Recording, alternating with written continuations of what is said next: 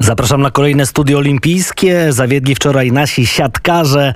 Będzie pewnie dogłębna analiza tego, co się stało. Słabi przy odbiorze, słabi w bloku. To m.in. Marcin Możdżonek, tak wczoraj mówił. E, drużyna oparta na e, Kurku i na Leon, Wilfredo Leonie. To za mało i tak dalej, i tak dalej. Tych różnych aspektów jest coraz więcej. E, między innymi to, że Michał Kubiak nie był w formie, że może nie powinien grać za często. Po prostu, że mm, był, miał problemy ze zdrowiem i trzeba było gdzieś tam stawiać na innych zawodników. Sam trener Vital Heinen e, powiedział, że czuje się bardzo źle z tym wszystkim, że fatalnie, aczkolwiek jest dumny, że jest trenerem reprezentacji Polski że ma do czynienia z takimi siatkarzami. Zresztą tych emocji było naprawdę co niemiara. Wczoraj łzy. No, Bartosz Kurek, e, wielki twardziel polskiej siatkówki. Mm, e, jeśli on się popłakał i to tak naprawdę takimi, no, nie ukrywał tej rozpaczy, to już wiemy, jak bardzo to boli. Piąty raz z rzędu w ćwierćfinale na Igrzyskach Olimpijskich odpada reprezentacja Polski. No to jest coś nieprawdopodobnego. Myślę, że w naszych kolejnych wejściach i kiedy będziemy mieli gości przy telefonie, to, to, to podstawowe pytanie, dlaczego właśnie tak? Dlaczego dzieje się to na etapie ćwierćfinału? Czy to jest jakaś klątwa? Czy to jest jakieś przekleństwo Igrzysk Olimpijskich z udziałem reprezentacji Polski? Mówię, ostatnie pięć lat z rzędu, a przecież 45 lat temu byliśmy najlepszą drużyną siatkarską świata. Najpierw na Mistrzostwach Świata, a później właśnie w Montrealu już na Igrzyskach Olimpijskich. Ekipa dowodzona przez Huberta Wagnera zdobyła złote medale. No ale dzisiaj nie jest tak źle. W nocy startowały m.in. nasze kajakarki i awansowały do półfinałów. Dorota Borowska zaczęła start na Igrzyskach od zwycięstwa w swoim wyścigu eliminacyjnym C1 na 200 metrów. E, Polka bezpośrednio awansowała do półfinału. Warto podkreślić, że to konkurencja debiutuje na Igrzyskach Olimpijskich.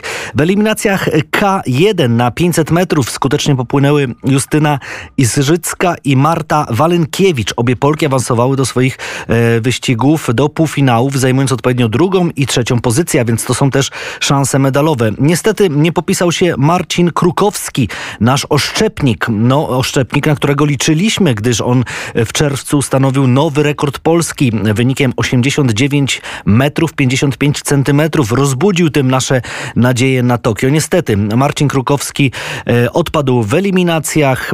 Bardzo słabe rzuty. Drugi z naszych zawodników, Cyprian Mrzygłód, spisał się troszkę lepiej od Krukowskiego, ale jego wynik 78-33 też nie pozwolił, nie pozwolił na awans do, e, do strefy finałowej, do tego, by nasi walczyli o medale. No, z konkurencji rzutowych na pewno dziś skupiamy swoją uwagę. Paweł Fajdek, Wojciech Nowicki, 13-15 i finał rzutu młotem panów. No to jest bardzo ważna sprawa dla Polski. Anita Włodarczyk e, i Malwina Koproń swoje zrobiły. Pierwsza złoty medal, druga brązowy. Wspaniały występ. Miejmy nadzieję, że Fajdek i Nowicki powtórzą właśnie to, co zrobiły panie. E, jedenaste miejsce zajmuje Adrianna Sułek w siedmioboju, a e, Paweł Wiesiołek jest czternasty 14 to są, e, to jest dziesięcioboista, więc e, te konkurencje oczywiście trwają. E, bardzo ciekawa rywalizacja w skateboardingu pani. Tam startowała nasza zawodniczka Amelia Brudka. Niestety zajęła 17 miejsce na, na 20 zawodniczek, które wystartowały.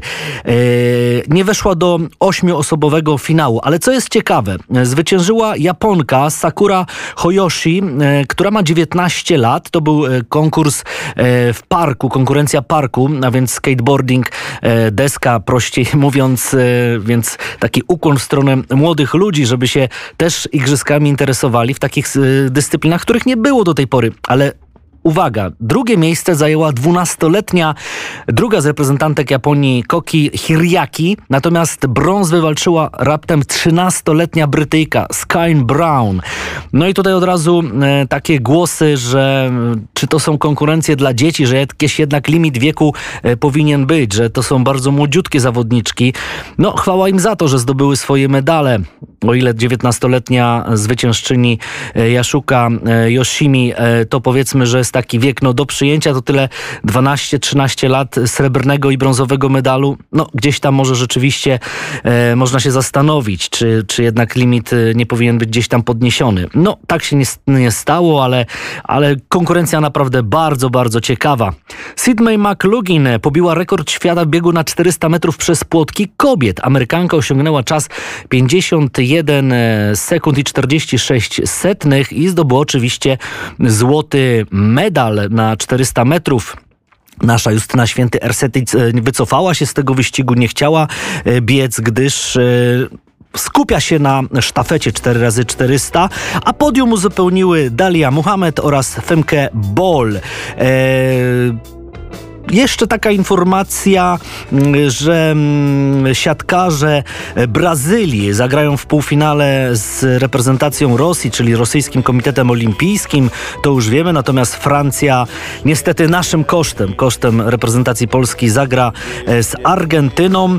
No i dzisiaj także oczywiście rozstrzygnięcie e, duetu naszych pań w, w żeglarskiej klasie 470.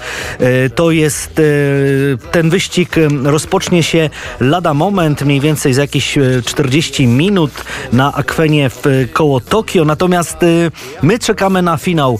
Paweł Fajdek, e, Wojciech Nowicki, rzut młotem panów 13 15 i zobaczymy, czy Fajdek rzeczywiście przełamie się, bo on też miał z reguły problemy e, z taką mentalnością, z gdzieś tam stroną psychiczną na Igrzyskach Olimpijskich i o ile gdzieś tam e, radził sobie bardzo dobrze w finałach Mistrzostw Świata, to na Olimpiadach z reguły zawodził. Oby już tak nie było.